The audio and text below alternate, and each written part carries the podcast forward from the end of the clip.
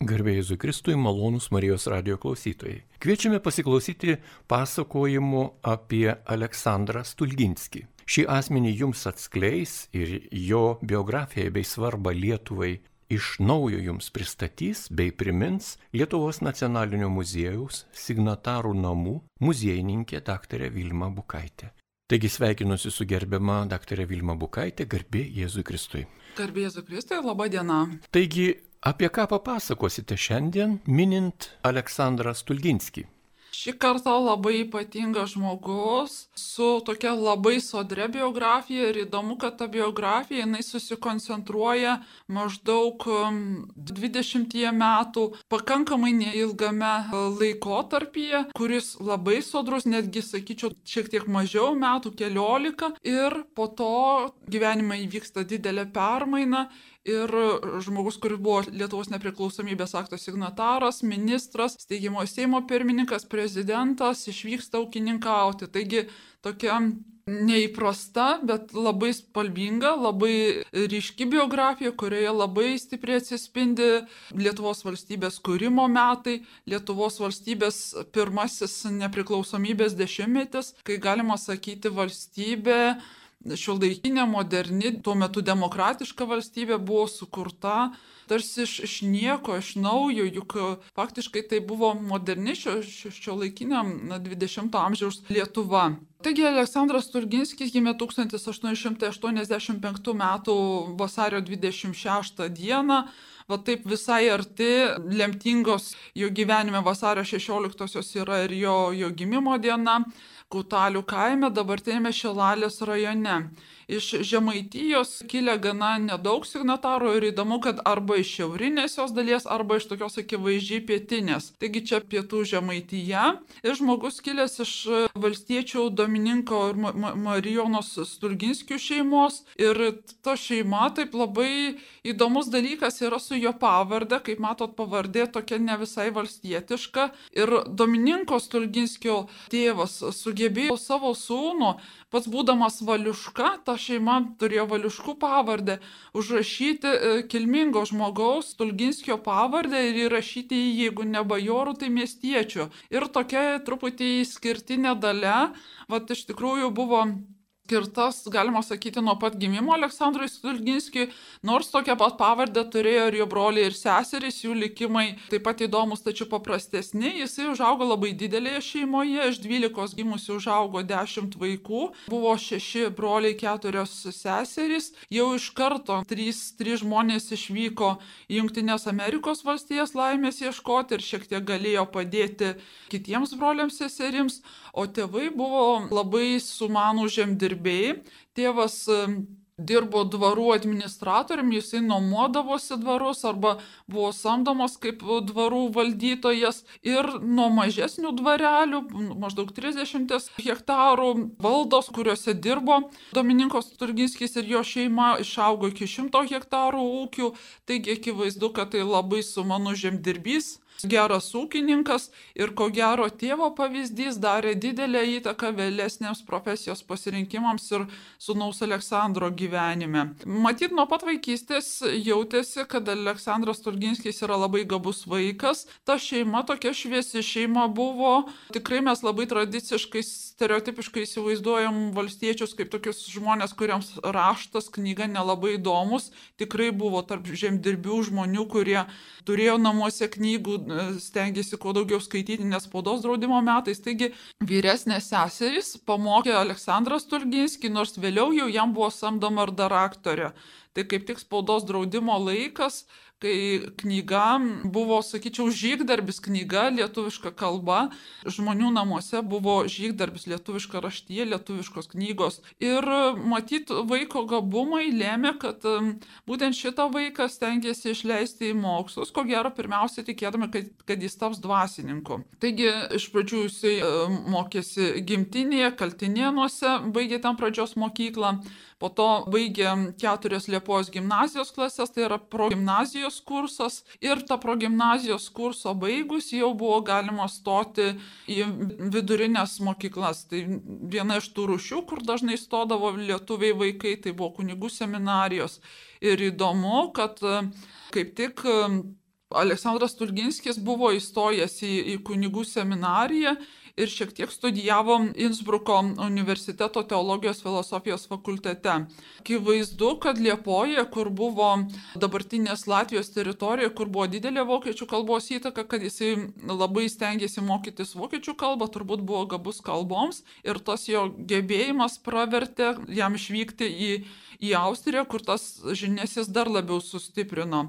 Tačiau pašaukimo nejuto, jį kaip tik gal sužavėjo ta mintis, kad net seminariją galima baigtis ir nesirinkti galbūt kunigystės, kad tos žinios įgytos, jos vėliau gyvenime labai praverčia. Į šitą mintį buvo išgirdęs iš kunigo Juozapo Stakausko jie gerai įsidėmėjo. Ir ko gero, jo akiračių, jo įsilavinimui tie teologijos studijų metai tikrai buvo labai naudingi. Tačiau vis tik tai jisai pasitraukė iš teologijos studijų ir vėliau jau dirbo Lietuvų katalikiškoje Švento Kazimiero draugijoje Kaune, tai 1990 metai ir dėstė lietuvių kalbą Kauno berniukų gimnazijoje. Trumpai grįšiu į šeimos istoriją, kuri buvo labai dramatiška, nors ganėtinai būdinga tiem laikam. Tai dėja, sulaukęs 15 metų, 1900 metais, Aleksandras Tulginskis e, neteko mamos, e, kuri mirė tik sulaukus 60 metų. Ir jisai buvo pats jauniausias vaikas, taigi visi kiti jau buvo vyresni ir galbūt dalis jau kažkaip tai suradė savo vietą gyvenime. Tuo tarpu Aleksandras Turginskis liko paaugliu ir jam tėtė irgi negalėjo daug padėti, tuo metu kažkaip ūkio situacija buvo pablogėjusi, taigi tėvas galėjo sūnui duoti tik tai arklį, kurį pardavęs jisai gavo 40 rublių, tai buvo toks jo kraitis labai kuklus, toliau jau jam pagelbėjo artimieji gyvenę Amerikoje, pagelbėjo lietuviškos draugijos. Ir šiek tiek padirbęs Kaune, jisai vėl įstojo e, mokytis, išvyko šį kartą į Vokietiją ir baigė Palės universiteto Žemės ūkio institutą. 1913 metais grįžo į Lietuvą. Ir e, čia vat kaip tik ir prasideda jo tokia dar aktyvesnė lietuviška veikla. Atvykęs į Lietuvą jisai dirbo agronomu Vilniaus žemėtvarkos komisijoje, o vėliau Lietuvos apskrityje. Jis buvo sulaukęs pasiūlymų dirbti net Sankt Peterburgė, dirbti Rusijos gilumoje. Iš tikrųjų, tai kaip supratau, labai vertinamas buvo šis išsilavinimas agronomo įgytas Vokietijoje, tačiau pasirinko tokią darbo vietą, kur, kur galėtų likti Lietuvoje. Ir įsitraukė į lietuviško visuomeninę veiklą, redagavo žurnalo vienybė prie Davensėdis, tai toks labiau žemės ūkio tematika šviečiamasis žurnalas. Studijuodamas jisai specializavosi gyvulininkystės labiau srityje. Ir turėjo daugiau žinių šioje būtent srityje, tačiau reikia pasakyti, kad vis jo gyvenimas jį privesdavo ir prie sodininkystės, daržininkystės ryčių, taigi tai buvo platos profilio agronomas, kuris turėjo gana gerą išsilavinimą ir tokį didžiulį žingeidumą. Pirmasis pasaulinis karas, kaip ir daugelio signatarų biografijose, yra lūžinis momentas. Tuo metu visos valdiškos įstaigos buvo raginamos keltis į Rusijos gilumą ir reikia pasakyti, kaip kaip valstybinės įstaigos darbuotojas, kaip žemėtvarkos e, komisijos narys, vėliau apskrities agronomas. Ir Aleksandras Tulginskis išsiuntė tiek institucijos, tiek savo turtą į Rusiją ir pats e, ruošėsi atvykti į Vilnių ir iškeliauti, tačiau pakeliui susirgo dezinterija ir šita vat užkrečiama lyga, kuri jį sustabdė, suteikė jam progą pagalvoti ir iš Vilniaus į Rusiją jau jisai nebeišvyko, jis nutarė likti tiesiog, kad ir labai, galima sakyti, kukliai, kaip stovi, bet likti karo metais būtent savo, savo tėvynėje. Šitas laikas nuo 1915 metų jo gyvenime yra labai intensyvus. Jisai nuo 1915 metų rūpjūčio priklausė Lietuvų draugijos nukentėjusiems dėl karo šelpti centro komitetui ir rūpinosi daugelio organizacijos ūkinių klausimų. Šioje draugijoje jisai buvo labai aktyvus ir ši draugija jinai rėmė neturtingus vaikus, turėjo keletą prieglaidų, turėjo senelių prieglaudą, turėjo lazaretą sergantiems užkrečiamomis lygomis ir reikėjo visus tos remiamus žmonės maitinti, rūpintis vaikų ūkdymo, rūpintis jų globa, nes Vilniuje liko gana daug našlaičių, vaikų su išskirtomis šeimomis. Tokioje dramatiškoje situacijoje, kai kas tiesiog turbūt būtų ir pražuvęs be, be tokios draugijos globos ir ta liet, globa Lietuvoje jinai buvo tautiniu pagrindu organizuota, taigi ta Lietuvio draugija nukentėjusiems dėl karo šelbti ir kol kraštą valdė Rusija Ir kai 1915 m. rugsėjį užėmė, pabaigė užimti jau į Vilnių pasiekė Vokietija, irgi buvo tokia lietuvė atstovybė okupuotame krašte. Ir Aleksandras Tulginskis tiek rūpinosi šitos draugijos daržais, juos kuravo kaip agronomas, tos daržovės jos gerokai padėjo prasimaitinti ir Vilniaus inteligentams, ir va tiems visiems remiamiems vaikams, seneliams, ligonėms ir kartu jisai vadovavo veiklą atgaivinusiai ryto švietimo draugijai, rengė pedagogikos kursus e, pradinių klasių mokytojams, dėstė Vilniaus lietuvių gimnazijoje gamtos mokslus, taigi tai buvo labai užimtas žmogus ir kartu galėjęs atskleisti savo įvairius talentus, ko gero turėjo pedagogikos potraukį, nes matom jau kilintą kartą jis kažkaip susirasdavo ir jis susirasdavo tas darbas pedagoginis ir jisai kartu su kitais Vilniaus lietuvių politikais dalyvaudavo reguliariuose Vilniaus lietuvių politikų susitikimuose. Tai būdavo ir susitikimai su okupacinė valdžia. Čia labai pravertė į vokiečių kalbos žinios.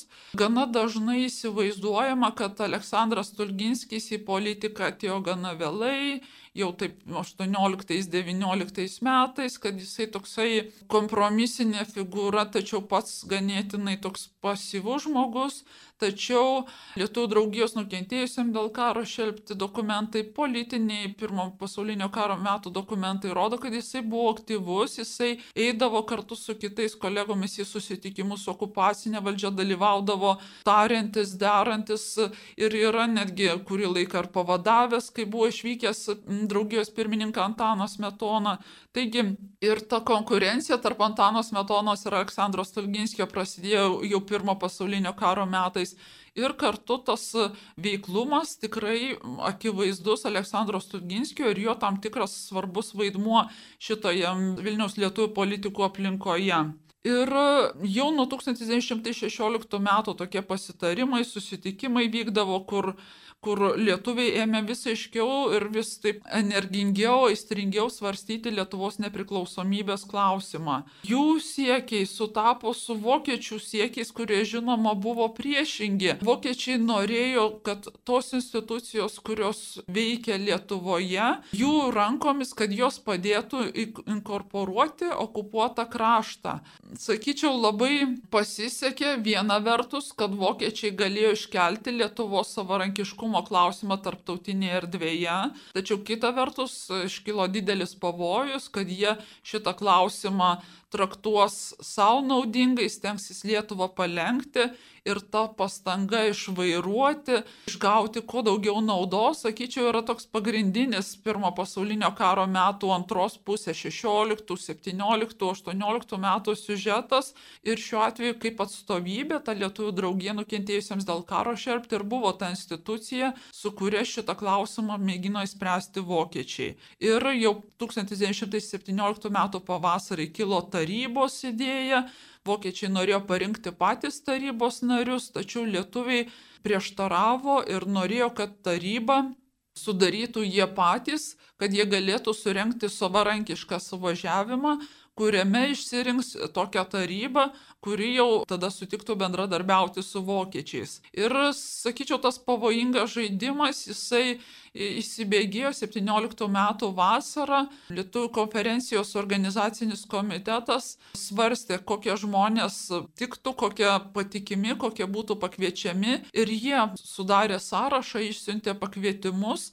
Aleksandrui Sturginskijui teko svarbus tokio organizacinio komiteto tvarkomojo vadinamo komiteto, kuris ėmėsi administracinės Lietuvų konferencijos pusės išsiųsti kvietimus, išnuomoti sales, pasirūpinti kultūriniais renginiais, suorganizuoti atvežimą, susitarti su viešbučiais. Visa šita tokia techninė pusė buvo priklausė nuo nedidelės komisijos, kuriai vadovavo Aleksandras Turginskis. Jau matyt tada paaiškėjo, kad Aleksandras Turginskis yra toks energingas organizatorius ir kartu pareigingas žmogus, kuris sugebės visus uždavinius privesti iki galo, juos patikimai įgyvendinti. Ir žinoma, pats Aleksandras Turginskis buvo Lietuvių konferencijos dalyvis. Ši konferencija vyko 1917 m. rugsėjo 18-22 dienomis Vilniuje, tose patalpose, kur dabar veikia Rusų dramos teatras Basanavičiaus gatvėje. Po audringų diskusijų ten buvo išrinkta Lietuvos taryba ir dalyvavo Lietuvos tarybos posėdžiuose, gyvendamas Vilniuje, tikrai buvo pareigingas, punktualus, galima sakyti, didžiojo daugumoje Lietuvos tarybos e, posėdžių dalyvavo. Ir čia galbūt va aiškiau ir pasijuto ta Aleksandro Sturginskio ir Antano Smetonos konkurencija, kadangi krikščionių demokratų blokas Lietuvos taryboje buvo ganėtinai stiprus. Tai ir, ir pats Tulginskis, ir Justinas Taugaitis, ir Kazimieras Bizauskas, ir Pranas Dovydaitis, ir Kazimieras Steponas Šaulys, ir kartais kai kurie nepolitiniai šitos institucijos dalyviai nepriklausė jokiai politiniai partijai, juos taip pat paremdavo. Taigi krikščionys demokratai Lietuvos taryboje buvo gana stipri jėga. Ir įdomu, kad jie dažniau diskusijose paremdavo ne kolegas iš dešiniosios politinės jėgos, iš būsimosios tautininkų partijos, o kairiuosius kolegas, kurie siekia be kompromiso nepriklausomos demokratinės Lietuvos su steigiamoju Seimu atkūrimo. Ir šitas vat, krikščionių demokratų ir kairiųjų bendradarbiavimas, ko gero po ilgų ir sunkių diskusijų, padėjo pasiekti to rezultato, kurį mes turime, tai yra 1918 m. vasario 16 nepriklausomybės aktas be kompromisis, kuris jau nusikrato visų anksčiau pasirašytų sąlygų, kad įvairiomis unijomis Lietuva susisieja su Vokietija.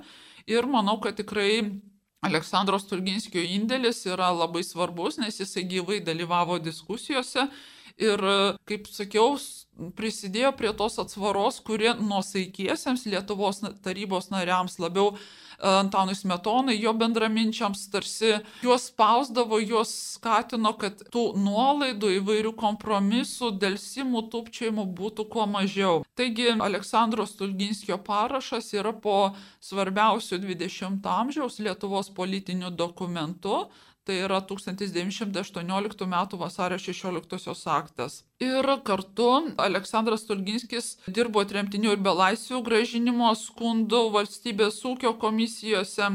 Beje, norėčiau pasakyti, kad Lietuvų krikščionių demokratų partija jinai buvo įkurta net keletą kartų, galima sakyti, saugo iš dviejų sparnų, taigi 17 metais jinai buvo įkurta ir Rusijoje. Ir dar vienas, vienas sparnas, toksai nuosaikesnis, konservatyvesnis, atskirai buvo įsteigtas Vilniuje kaip tik po, po Lietuvų konferencijos 17 e, metų rugsėjį.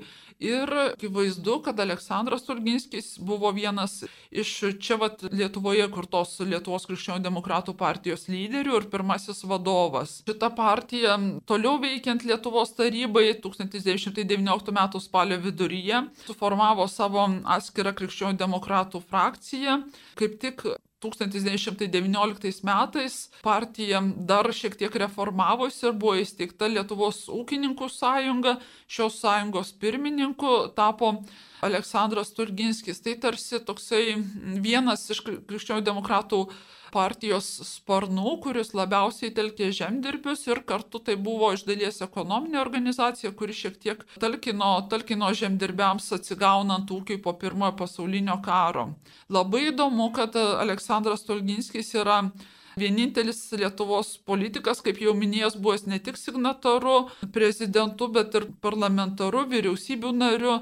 Taigi visos šitos keturios pareigos susieina jo asmenybė, jisai priklausė Mykolos Leževičiaus sudarytose antrajame ir ketvirtame kabinetuose, buvo jų ministras be portfelio, ėjo žemės ūkio ir valstybės turtų ministro pareigas. Reikia pasakyti, kad Prano Davydaičio vadovaujamame ministrų kabinete 1919 metais pavasarį, tai yra trečiasis Lietuvos valstybės ministrų kabinetas, jisai dirbo ir ministro pirmininko pavaduotoju, ir vidaus reikalų, maitinimo ir viešų darbų ministru.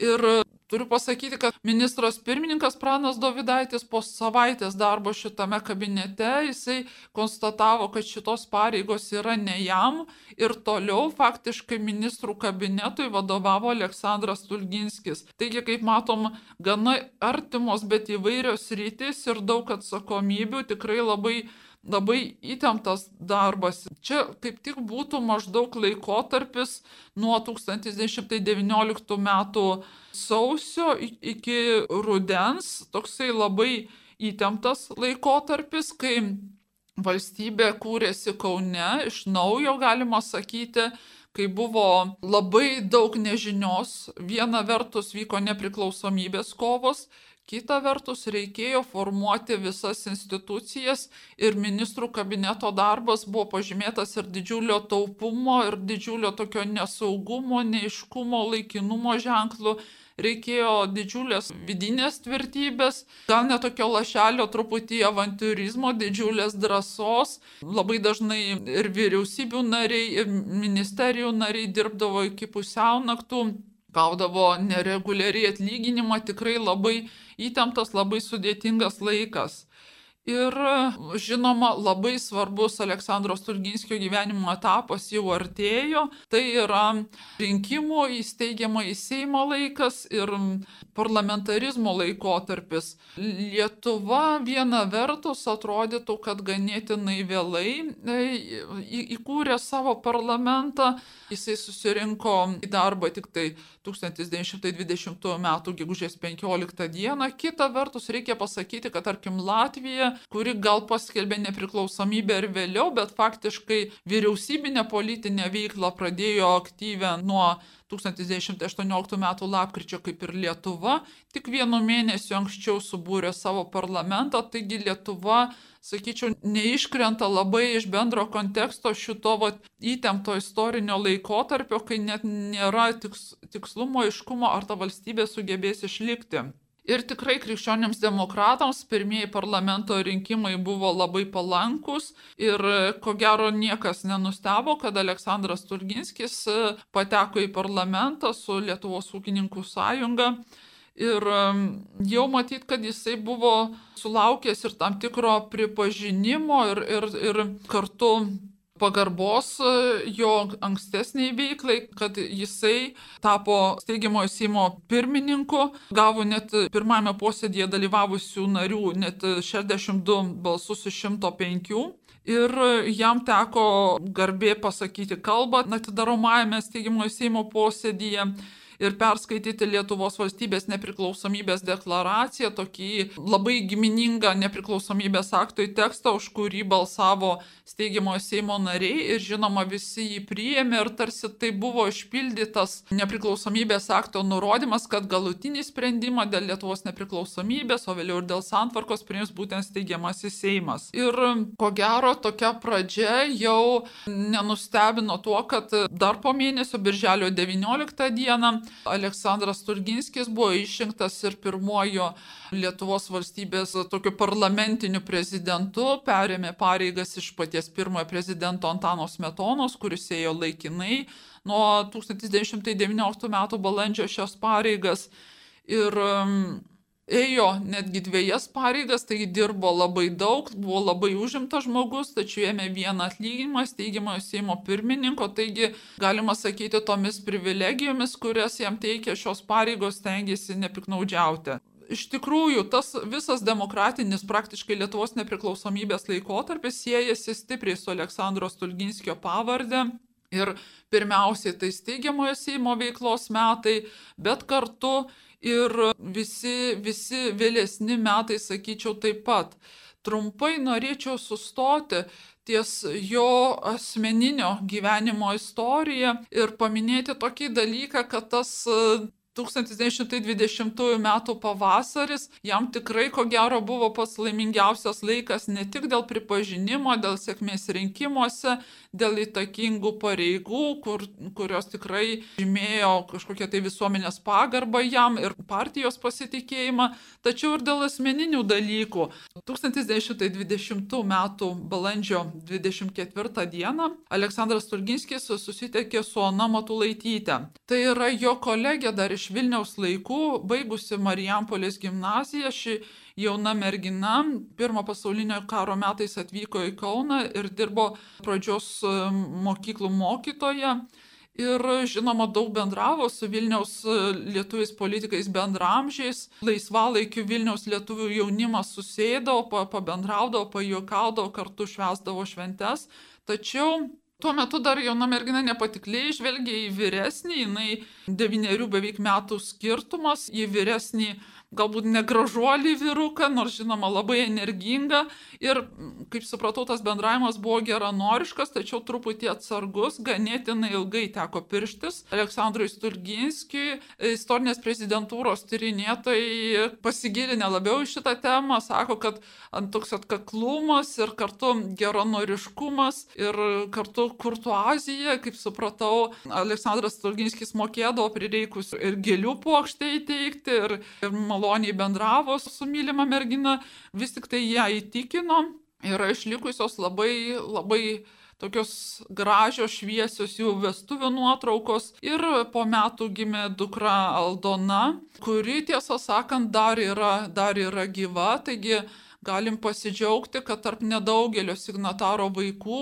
dukrų, kurios gyvena iki šių dienų, yra Aleksandro Stuginskio dukra, kuri nugyveno labai ilgą, prasmingą, viena vertus sudėtingą gyvenimą, kita vertus prisodrinta tokių įvykių, kuriais turbūt reta šeima galėtų pas, pasididžiuoti, pasidalinti. Jinai dėja buvo išskirta okupacijos laiku su savo šeima, jinai išvyko į vakarus ir tik tai, kai jau prasidėjo atlydys, sugebėjo vis tik tai susitikti su tėte, keletą kartų jį aplankė ir jam gyvenime padėjo, jinai įsitvirtino Amerikoje. Tai medikų šeima labai, labai sėkminga, graži šeima, taip pat užauginusi tris vaikus, kurie iki šių dienų labai gražiai rūpinasi savo mama, labai stiprus ryšys. Taigi nuo šitos vietos norėčiau grįžti prie parlamentinės politinės Aleksandro Stulginskio veiklos, kurios jau liko tik tai palyginus nedidelis laikotarpis. Nuo 1920 metų iš tikrųjų Lietuvos valstybingumo postumis labai stipriai siejasi su Lietuvos parlamento darbu. Viena vertus, tuo laiku daug kas nepatikliai žiūrėjo parlamentą, kur vyko daug debatų, gal trūko dar tuo metu ir parlamentinės kultūros, tačiau matom, kad ir dabar net ilgamečių tradicijų parlamento šalyse, tokiuose kaip Anglija, būna ir labai karštų diskusijų, ir kartais nepagarbių atsiliepimų, ir netgi kartais gal kažkokių dar didesnių batalijų. Reikia pasakyti, kad kažkokių tai smurto istorijų Lietuvos parlamente tarpu karių nebuvo, tačiau diskusijos buvo labai gyvos ir krikščionis demokratus jų dominavimo parlamente laikotarpį iki pat 1926 metų vidurio tikrai labai stipriai spaudė ir kritikavo ir priversdavo kartais galbūt ir apsiriboti jų oponentai. Nepaisant to, netgi šešerius metus krikščionių demokratų frakcija buvo dominuojanti e, Lietuvos parlamentinėje veikloje Ir reikia pasakyti, kad tokia nekintama jų lyderio figūra, viena iš svarbiausių lyderių figūrų buvo Aleksandras Tulginskis. Kaip sakiau, steigiamajame Seime jisai derino pareigas prezidento ir ministro pirmininko, vėliau jisai būdavo išrenkamas į parlamentą, tačiau parlamentas, kuris tuo metu turėjo gali rinkti valstybės vadovą, jį išrinkdavo prezidentu. Ir 1920-22 metais, tai jo pavardė tiesiog siejasi su įvairiomis reformomis. Vėliau tai labiau tokia atstovaujanti asmenybė, autoritetas, žmogus, su kuriuo tariamasi, derinamasi, tačiau prezidentas tarpukario Lietuvos Respublikoje buvo labiau simbolinė figūra, daug labiau simbolinė negu nuosaikiausi šių dienų prezidentai. Tuo tarpu va, tas 20-22 metų laikotarpis, kai Aleksandras Tulginskis pirmininkavo daugumai posėdžių, dalyvavo rengiant daugelį dokumentų, pats priimdavo įvairias delegacijas labai svarbus. Taigi, tuo metu įvyko žemės reforma, į kurią Aleksandras Tulginskis iš pradžių žiūrėjo labai skeptiškai. Jam buvo nepriimtinas žemės nusavinimo iš kažko faktas ir tas perdalymas jam atrodė kontroversiškas dalykas, tačiau vis tik pavyko jį įtikinti ir jisai pats vėliau prisidėjo rengiant žemės reformos dokumentus ir dalyvavo. Jam reklamuojant, ją šlifuojant, ją formuojant. Taip pat labai svarbus užsienio politikos laimėjimai, taigi tarkim, dėrybų su Sovietų Rusija instrukcijas rengiant taip pat dalyvavo Aleksandras Turginskis. Labai svarbus dalykas buvo pirmoji nuolatinė Lietuvos valstybės konstitucija, kruopščiai parengta Antano Tumėno, kurią rengiant taip pat Aleksandras Tulginskis buvo labai veiklus ir, ir labai angažuotas. Reikia pasakyti, kad tas jo toksai darbingas laikotarpis viena vertus pažymėtas didelių sėkmių, kita vertus Aleksandras Tulginskis buvo labiau toksai efektyvus vadybininkas, labiau organizatorius, labiau administratorius, jis nebuvo geras oratorius ir kai kas ir kaip politika jį vertina ganėtinai santūriai, tikrai jokių būdų ne, neskeptiškai, tačiau santūriai ideologais, tokiais svarbiausiais politiniais varikliais, laikydami kitus žmonės. Tačiau galbūt toje besiformuojančioje valstybėje ir buvo svarbus tie žmonės, kurie sugebėdavo susitarti, kurie sugebėdavo suorganizuoti, kurie sugebėdavo e, privesti darbus iki rezultato. Vienas iš tokių tikrai buvo Aleksandras Turginskis. Nagrinėjant jo kalbas, kurių tikrai teko labai daug sakyti 20-26 metais, tikrai matosi, kad tai nėra kažkokiais dideliais humanitariniais, kaip sakiau, oratorius gabumais apdovanotas žmogus, bet labai konkretus, labai dalykiškas, e, labai toks santūrus. Svarbu, kad jo tos kalbos niekada nėra per ilgos, visada labai aiškios, yra tam tikras kryptingumas, ką pirmiausiai norima pasakyti. Manau, kad šitos savybės jam mąstant, jam dirbant tikrai labai gyvenime pravertė. Kaip jau sakiau, labai trumpas trumpas tas jo veiklos laikotarpis, labai sodrus, labai svarbus Lietuvos valstybei, tačiau labai trumpas. Jau 1926 m. viduryje krikščionys demokratai nebesudarė daugumos parlamente, o po perversmo, kuris įvyko 26 m.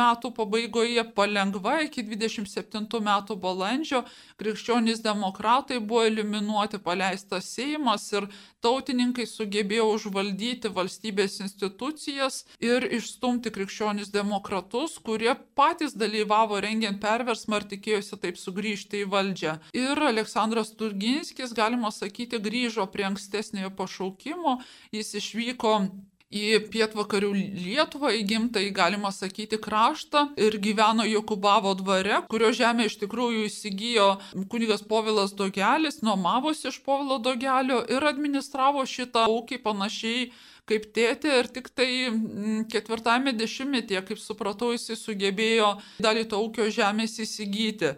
Kaip supratau, viena vertus buvo gana efektyvus administratorius, gana efektyvus ūkininkas, kita vertus žemės ūkis toks labai permainingas ir kažkokių didelių pelnų tikrai nebuvo. Taigi ganėtinai atsakingas darbas ir jisai buvo derinamas kartu su tokiu dalyvavimu opozicinėje veikloje kuris e, įdomu, kad 38-9 metais suartino valstiečius liaudininkus ir krikščionius demokratus, kurie mėgino grįžti į valdžią. Su šito laikotarpiu krikščionių demokratų spaudoje Aleksandras Tulginskis parašydavo straipsnių, ypač skirtų steigiamojo Seimo nepriklausomybės akto e, jubiliejams, bet ir kitokios publicistikos, taigi tai tikrai buvo raštingas žmogus. Tie straipsniai irgi gal jie nėra labai sumanus, tačiau jie labai konkretus, labai tokia perdodanti žinia visuomeniai, labai pabrėžiantis demokratijos atkūrimo svarbą.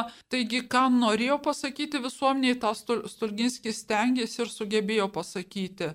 Ir žinoma, Lietuvos okupacijos laikas jau kaip tik didelių išbandymų laikas. Tiesa, reikia pasakyti, kad nors įtampa tarp Antano Smetonos Aleksandro Stulginskio buvo, Stulginskis negavo ne vieno valstybės apdovanojimo, nepaisant savo nuopelnų Smetonos valdymo metais. Tačiau 1939 metais iki Lietuvos okupacijos buvo gavęs pensiją. Tuo tarpu represijų laikas, okupacijos laikas buvo labai dramatiškas. Aleksandrui Stulginskijui jo šeimai, kaip sakiau, šeima buvo išskirta. Aleksandras Turginskis e, su žmona patyrė represijas. 1941 m.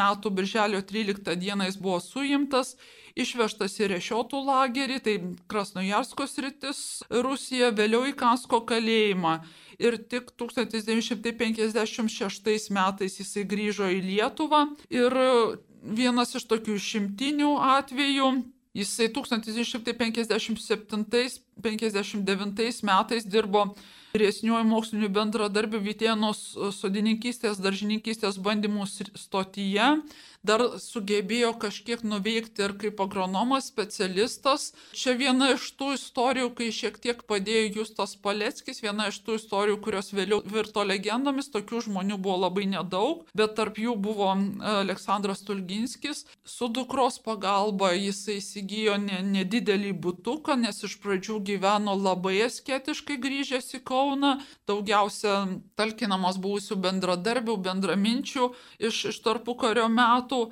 Ir kaip agronomas jis netgi šiek tiek rašė į spaudą e, žemės ūkio klausimais. Vat įdomu, kad jisai tikrai vat, turėjo progą pabendrauti su dukra, pamatyti anūkus, tai tokia vat labai kukli jo laimė, dėja jo žmona mirė keletų metų anksčiau, 1962 metais, tuo tarpu Aleksandras Turginskis mirė pats paskutinis iš 20 signatarų, 1969 m. rugsėjo 22 d. palaidotas Panemunės kapinėse. Iki to laiko gyvendamas Kaune, bendraudamas su tai žmonėmis, kurie prisiminė dar tarpu kario laikotarpį, jisai buvo toks labai svarbus autoritetas, daug bendravo su Juozu Urpšiu, su Petru Klimu, patyrusiu panašią dalę. Ir ko gero, kad tie žmonės, kurie žinojo, kas yra Aleksandras Turginskis, kai jį pamatydavo, įsimindavo ilgam, nes tai buvo tikrai legenda, galima sakyti, tarpukario Lietuvos įsikūnymas. Labai garbingas žmogus per visą gyvenimą, labai darbštus akivaizdu, labai atsakingas ir, kaip matom, prisidėjęs prie daugybės politinių įvykių, bet save vertinęs labai kukliai. Kai jam teko su kunigu Mykolu Vaiskum kalbėtis apie savo pareigas, jisai pripažino, kaip liudijo kunigas, kad jis buvo pasirinktas kaip tokia kompromisinė figūra, kuri skirtingų pasaulyje žiūrų, labai skirtingų buvo krikščionių demokratų, netgi labai radikalių, labai kairiųjų socialinių pažiūrų. Taigi ta kompromisinė figūra, kuri tiko visiems skirtingos pasaulyje žiūros krikščionys demokratams. Tas va, jo demokratiškumas, gebėjimas bendrauti, tikrai lydėjo jį visą gyvenimą, jam daug padėjo ir kartu galbūt padėjo tiems, kurie kartu siekė bendrų tikslų dėl Lietuvos nepriklausomybės. Baigdama norėčiau pacituoti keletą nedidelių gabaliukų būtent apie nepriklausomybės aktą, apie vasario 16 iš jo publicistikos. Taigi, nepriklausomybė tai toks turtas, dėl kurio konferencijos atstovų nustatymo sutinkama įeiti į santykius net su nuožmiausiu priešininku. Taip jis aiškina bendradarbiavimą su Vokietija. Nepriklausomybė tai toks turtas, dėl kurio galima net su priešininku į akistatą sueiti. Vasario 16-osios aktais vadina sujungtos tautos drąsių savarankiškų žygių ir apie nepriklausomybės aktą. Taigi, Tokiu būdu vasario 16 dienos aktas yra mums ypatingai brangus ne tik dėl to, kad jis skelbia Lietuvos nepriklausomybę, bet kad tai yra drasus, savarankiškas, vieningos tautos žygis ir kaip po toks, kaip matome, jis pasiekė tikslą. Dabar galime tikrai dar kartą pripažinti, kad jis net du kartus pasiekė tikslą. Ačiū. Malonūs Marijos radio klausytojai, jūs girdėjote laidą, kurioje apie Aleksandrą Stulginskį pasakojo Lietuvos nacionalinio muziejaus signatarų namų muziejininkė dr. Vilma Bukaitė. Likite su Marijos radiju.